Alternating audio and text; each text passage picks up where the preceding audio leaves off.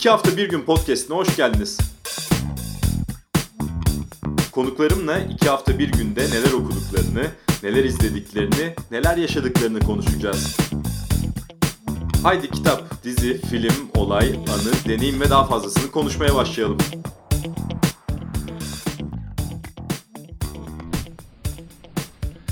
İki hafta bir günün yeni bölümünde ilk kez bir şef konuğum var. Maksut Aşkar bizimle. Hoş geldin abi. Merhaba, nasılsın? İyi seni sormalı. Harika. Harika bir enerjiyle Bak, geldin. ilk soruyu ben sordum. Nasıl? Müthiş kontra. Süper, aynen. Çok keyifli geldin. Ee, Evet, yani evet. keyifli başlıyorum şu an. Bir 5-10 dakika konuşma fırsatı bulduk. Süper harika. Ee, şimdi yemek benim de işte e, amatör bir şekilde ilgilendiğim, karnımı doyurmanın bir tık üstünde diyeyim. Hani bundan çok keyif alıyorum. Ne yersem yiyeyim seviyorum ama bazı yemekleri daha çok seviyorum. Dolayısıyla bununla alakalı bir şeyler izlemek, bununla alakalı bir şeyler okumak da çok hoşuma gidiyor. Ee, oradan başlamak isterim. Tabii. Ee, ister filmler, diziler, ister kitaplarla başlayalım. Son yıllarda benim gözlemlediğim kadarıyla insanlar yemek üzerine daha çok konuşuyorlar. Daha çok izliyorlar, daha çok okuyorlar değil mi?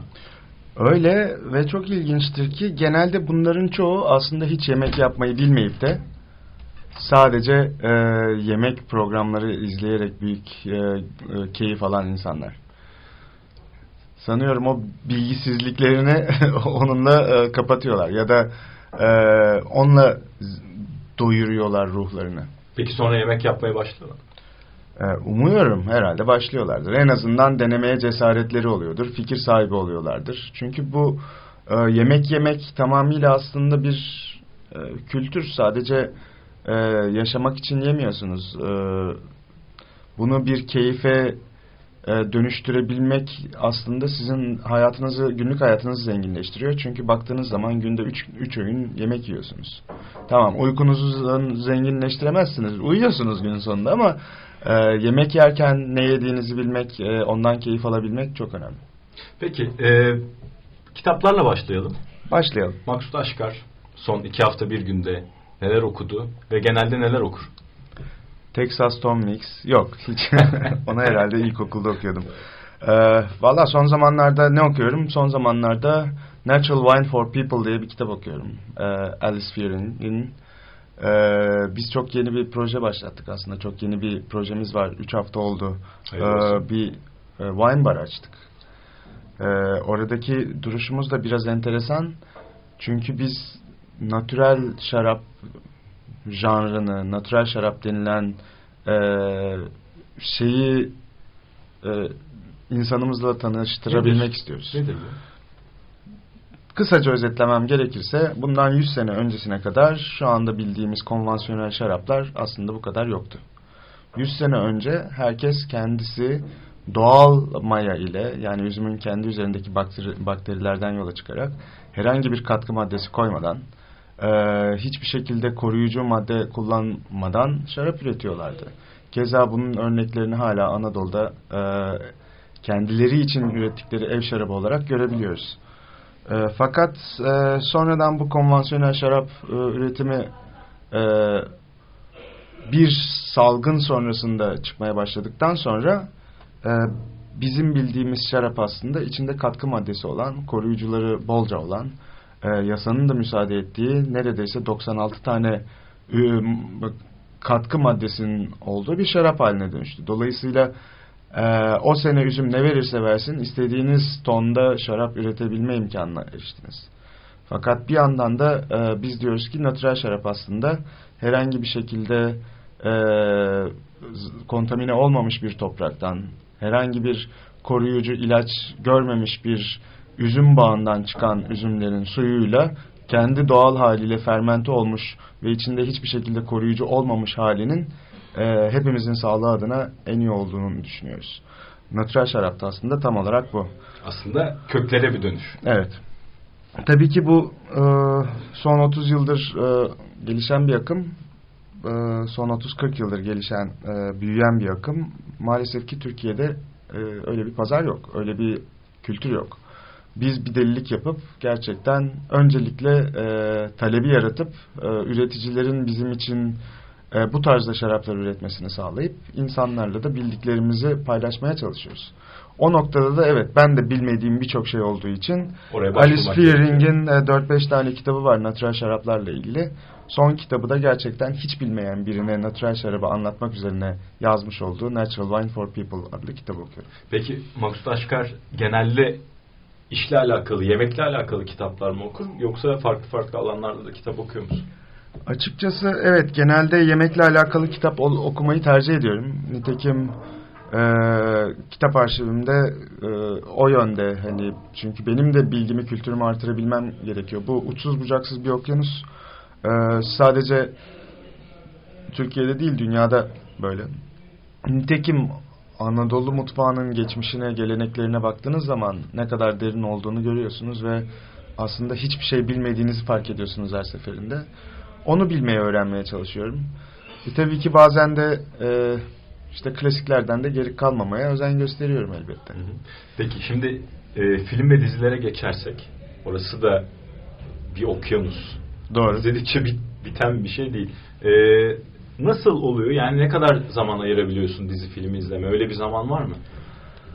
Sanıyorum dizi film izleme kısmı benim için biraz zihnimi boşaltabilme kısmı. Ee, belki hani uykum yokken uykum gelsin diye biraz bakabildiğim zaman. Çünkü çok öyle e, maalesef ki çok vakit ayıramıyorum kendime o noktada. Ama elbette e, takip ettiğim diziler var ve onları izlemeye çaba gösteriyorum. Mesela.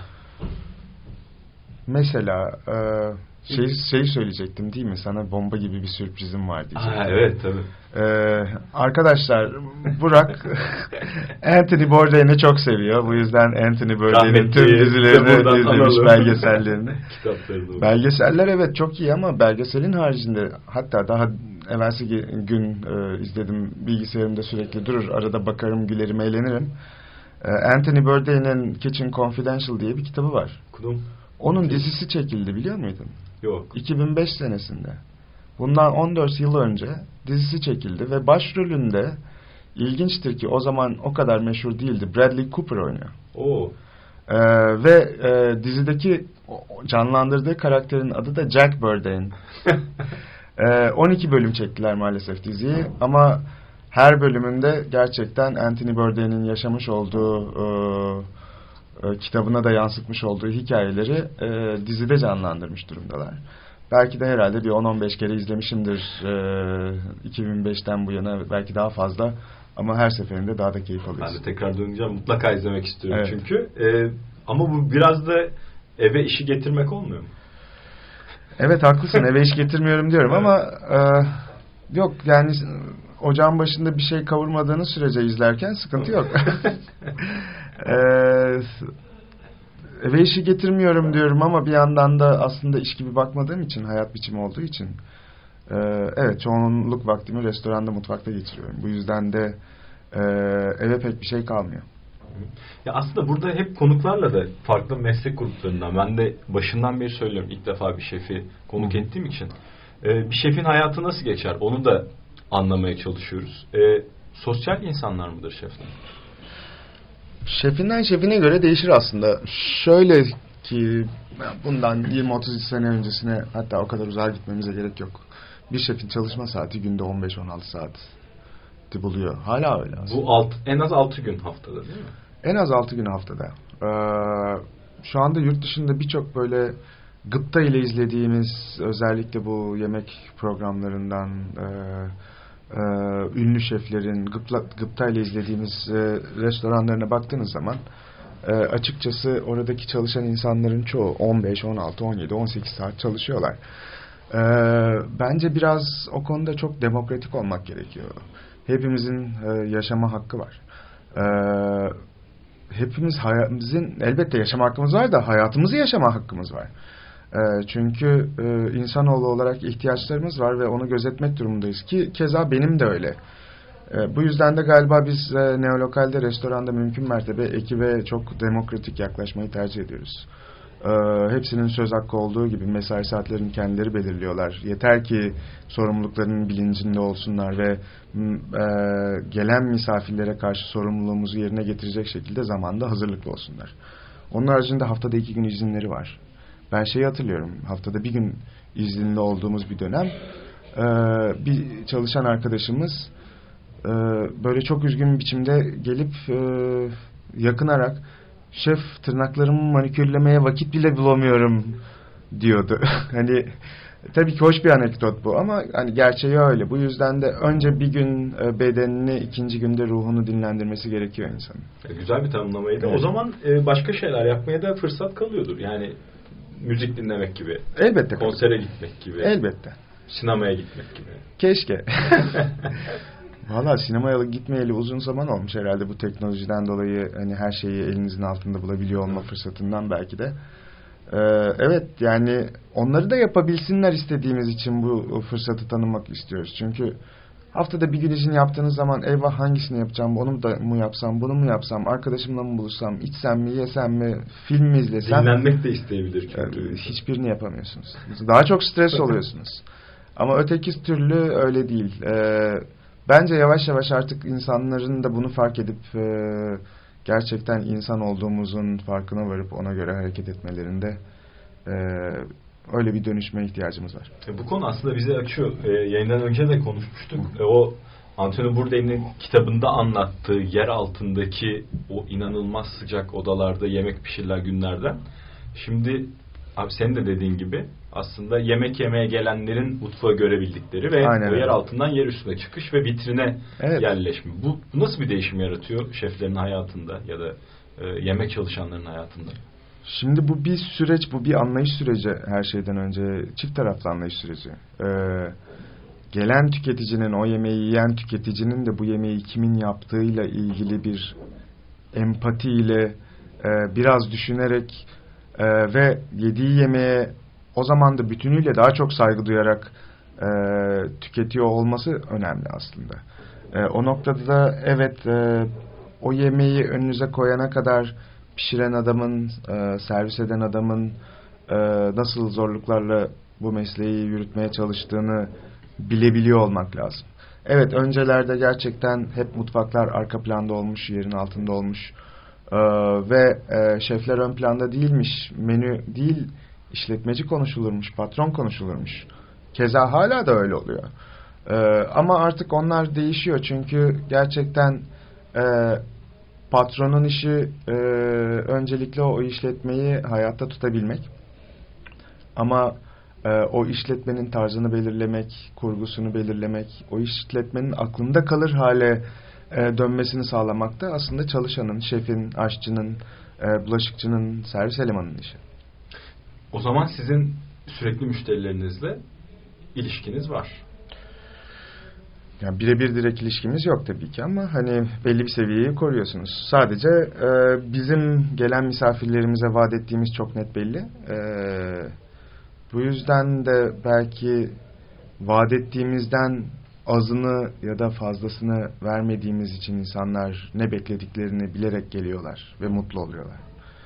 E, o noktada şey e, onun Türkçesi nasıldır bilmiyorum bu e, e, underrated, overrated hikayesi var Gereğinden ya. fazla değer gören Evet, veya ya da hak ettiği hak değeri ettiği göremeyen. değeri göremeyen e, format.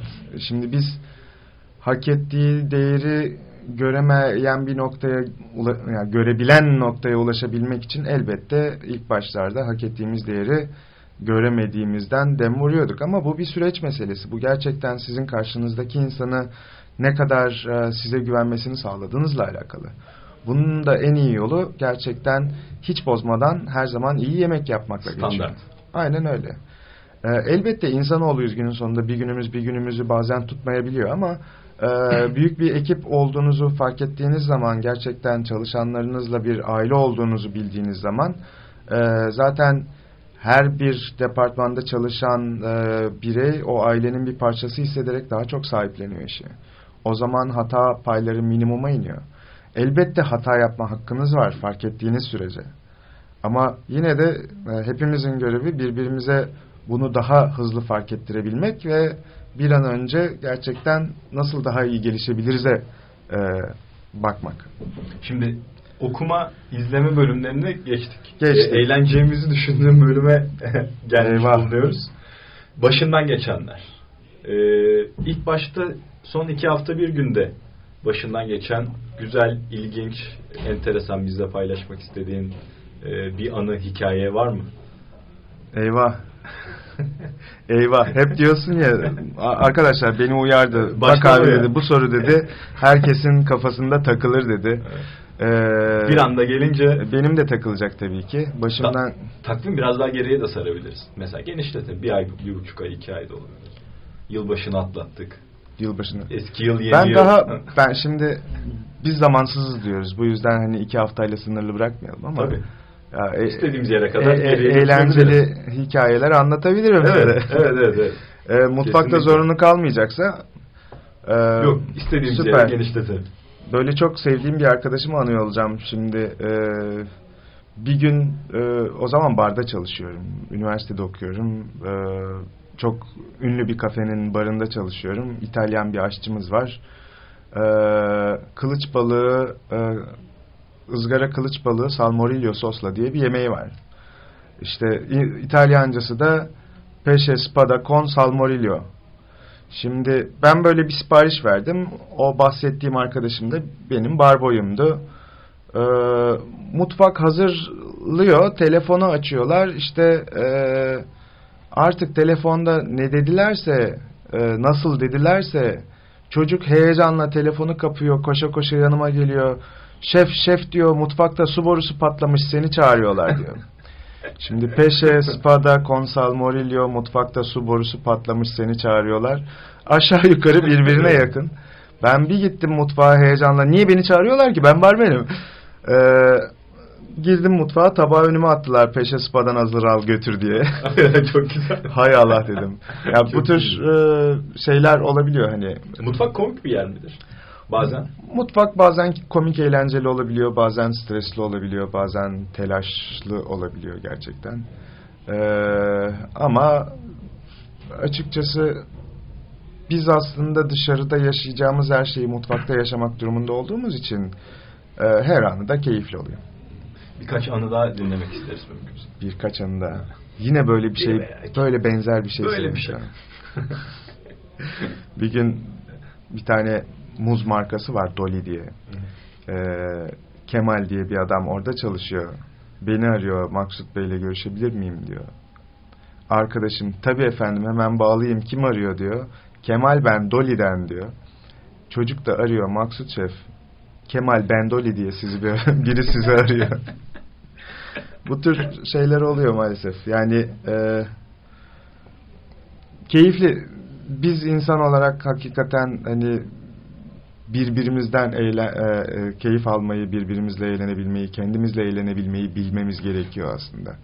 E, bunu birbirimizle paylaştığımız ama bir yandan da birbirimize değer verdiğimizi unutmadığımız sürece bu tür espriler çok hani ömür boyu anılacak espriler oluveriyor. Şu anda hali hazırda e, bu bahsettiğim iki arkadaşımla da gayet bu, görüşüyorum yıllar önce. Ee, bakalım dinleyecekler mi? Dinlemelerini isterim. Bilmiyorum inşallah. bozulmazlar herhalde. İsmet ve Özel ismini de hatırladım. Bozulmazlar değil mi? Bence bozulmazlar. Yani, Eğlenceli anılar. Çünkü. Aynen öyle. Peki bunu e, şöyle kapayalım isterim. 2020'nin ilk programı. E, bir yılı geride bıraktık. E, işte senin dediğin gibi bir yıl sizin hayatınızda geliyor geçiyor ama yine de bazen insan oturur ve geride bıraktığı yıla bakar bir şeyler söyler, bir şeyler düşünür onunla alakalı. Hı hı. Böyle son bir yıla baktığın zaman e, neler söyleyebilirsin bize? Ee, açıkçası son bir yıl e, ticari anlamda birçoğumuz için, yani büyük bir çoğunluğumuz için çok zorlu bir yıl oldu elbette. Ee, ama bir yandan da hani işin ticari kısmını konuşmuyoruz burada. işin manevi kısmını konuşuyor olduğumuz için manevi olarak bizi gerçekten çok mutlu ve tatmin eden bir yıl oldu. Ee, birincisi her seferinde söylediğimiz şey biz 5. yılımıza girdik Neolokal Restoran'da. Ee, ve bu 5 yıl içinde hala bizi bilmeyip de ilk defa duyup da yeni gelen insanlar var ve hayıflanıyorlar bir yandan da ya hay Allah kusura bakmayın ilk defa gelebildik diyorlar. Bizim tek söylediğimiz şey biz zamansızız. Ee, bu yüzden hani sizin için biz de yeni açmış gibiyiz. O noktada da evet o son bir yıl değil aslında yılların tamamında her seferinde yeni açmış gibi olduğumuz için biz işletme olarak e, hep kurguladığımız şey daha iyi nasıl olabiliriz? Daha kendimizi nasıl geliştirebiliriz? Ee, yemeklerimizi daha nasıl insanlara doğru bir biçimde anlatabiliriz? Bunun peşinde koşuyoruz. Nitekim de 2019 unutmayacağımız bir yıl çünkü e, bunun takdirini görebildiğimiz bir yıl oldu. E, dünyada e, en iyi 50 restoran e, derecelendirmesi vardır. E, World's 50 Best Restaurant Awards diye. Bu sene hasbel kadar ona çok eğleniyorum zaten. E, normalde ilk yüzü açıklarlar. Bu sene ana sponsorları bir e, soda su markası 120. yılını kutluyor olduğu için e, ilk 120'yi açıkladılar ve biz 110. E, sıradan listeye girebildik. Ben şey halindeyim yani bu süre boyunca e, bu işte su markasını e, San Pellegrino ismini telaffuz edeyim. Valla San Pellegrino'ya teşekkür ediyoruz biz onların sayesinde listeye girebildik diyoruz. Ama günün sonunda tabii ki şey çok güzel yani e, o takdiri alabilmek. O takdiri alabilmek biz açıkçası e, Mikla geçen sene e, 44'tü bu sene 52 e, e, Mikla ile beraber aynı listede olabiliyor olmak e, aslında bir noktada dünyanın gastronomi trendlerini belirleyen insanların radarının içine Türkiye'nin de girmesini sağlamış olmak ve bunda bir e, bu katkıda bir payımız olması bizi mutlu etti açıkçası. 2019 bu yüzden böyle bir yıldı. E, evet, bol da seyahatli bir yıldı benim için. E, tabii ki var mı öne çıkan bir seyahat? Öne çıkan bir seyahat valla 2019 2019'da yani bir sürü yere gittim. Yani, yani şöyle gördüm, gidemediğim gidemediğim kıtaları tamamlamış oldum açıkçası. Nefis. Ee, Güney Afrika'ya e, gittim en son Cape Town'a. Cape Town'da da e, beraber yemek pişirmiş olduğum Margot Yanse diye bir e, arkadaşımız var. E, şef artık şeflik yapmıyor restoranında. Yaptığı şey çok değerli. Oradaki okula geldiğinde yeteri kadar beslenememiş. E, çünkü gerçekten e, varoş teneke mahallelerinde yaşayan Afrikalı çocuklar bunlar. E, o çocuklara e, her gün besin değeri günlük ihtiyacını karşılayacak muffinler ve e, yiyecekler hazırlıyor. Ee, ve ben e, 2019'da benim için en önemli olduğunu düşündüğüm e, etkinliklerden bir tanesi de o çocuklar için bir charity, e, bir e, para e, kazandıracak bir e, etkinlikte Brüksel'de e, dünyanın e, her yerinden e, çok iyi 24 şefle beraber toplam 25 şef yemek pişirdik üç farklı restoranda. Hani benim Bunlar için 2019'u unutulmaz evet, kılan. benim için hayatımın idolü olan e, birkaç şefle beraber yan yana mutfakta yemek pişiriyor olmak e, paha biçilmezdi. Hele hele bunu çok önemli bir neden için yapıyor olmak çok değerliydi. E, hep çocukları görebilmek istedim. E, nitekim Güney Afrika'ya, Cape Town'a yolum düştüğü zaman da e, Margot'a bunu rica ettim ve beraber okula gittik. E, çok keyifliydi. Tabii ki ne götürürsünüz Türkiye'den? Lokum götürürsünüz. İşte çocuklara 220 tane çocuk, 3 farklı okulu gezdik. Onlara birer tane üzerinde nazar boncuğu olan lokum hediye edip e, hatta böyle yuvarlak dünya haritasında Türkiye'nin nerede olduğunu e, gösterip nereden geldi biliyor musunuz diye sordu, sorduğunda Marco Turkey dediğinde tüm çocukların kıs kıs güldü, gülmelerini görmek paha biçilmezdi. Çünkü onlar için Turkey bir hayvan, hindi. Çok keyifli. Yani e, bu tür şeyler gerçekten size insanlığınıza, ruhunuza ve bakış açınıza çok şeyler katıyor. Kaparken birkaç sözde bir başka listeden alalım. Şef sen Antakyalı olduğun için bugün e, New York Times'da çıkan e, Aa, evet. 2020'nin e, ziyaret edilmesi gereken gastronomik şehirleri arasında Antakya'nın da geçmesi. Neler söylemek istersin? E, tabii ki gurur verici bir şey. E, çünkü ya baktığınız zaman benim şu anda iyi bir şef olmamın sanıyorum nedeni gerçekten e, doğduğum bölgenin e, bana aşılamış olduğu mutfak gelenekleri ve kültürü. E, o noktada şu güne kadar taşıyabiliyorsam Ee, hiç şaşırmıyorum binlerce yıl boyunca bu kültürün, geleneklerin günümüze kadar taşınmış olmasına. Ee, bu yüzden de bence her giden insan bunun farkına varıyor. Ne güzel ki hasbelkader bu yazıyı yazmış gazeteci de e, bunun farkına varmış ve listesine koyabilmiş Antakya'yı. Mahsut Aşkar çok teşekkür ediyorum. Ben teşekkür çok ederim. keyifli bir Çok sohbetti benim için. Çok sağ ol. Çok sağ ol.